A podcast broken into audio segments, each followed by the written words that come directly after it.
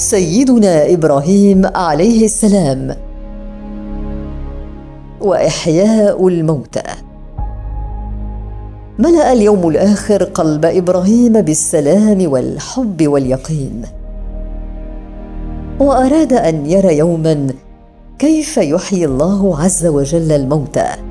حكى الله هذا الموقف في سورة البقرة حيث قال تعالى وإذ قال إبراهيم ربي أرني كيف تحيي الموتى. قال أولم تؤمن؟ قال بلى ولكن ليطمئن قلبي. لا تكون هذه الرغبه في طمأنينة القلب مع الإيمان.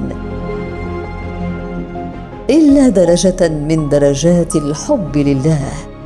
قال فخذ أربعة من الطير فصرهن إليك ثم اجعل على كل جبل منهن جزءا.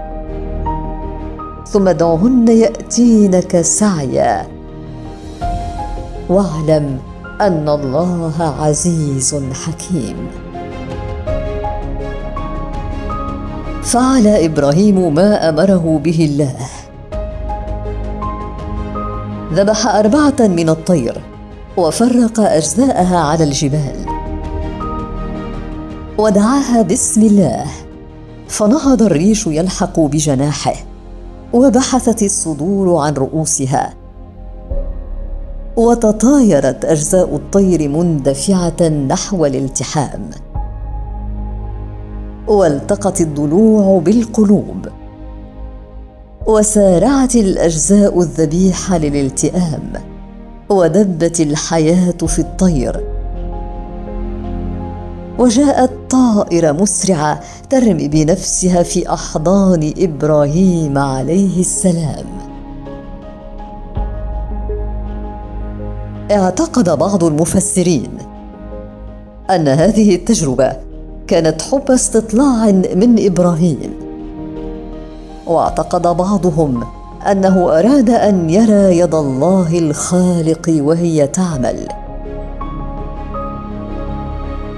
فلم يرى الأسلوب وإن رأى النتيجة. واعتقد بعض المفسرين أنه اكتفى بما قاله له الله ولم يذبح الطير. ونعتقد أن هذه التجربة كانت درجة من درجات الحب قطعها المسافر إلى الله.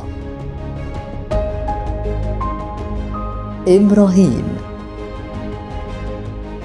والله أعلم.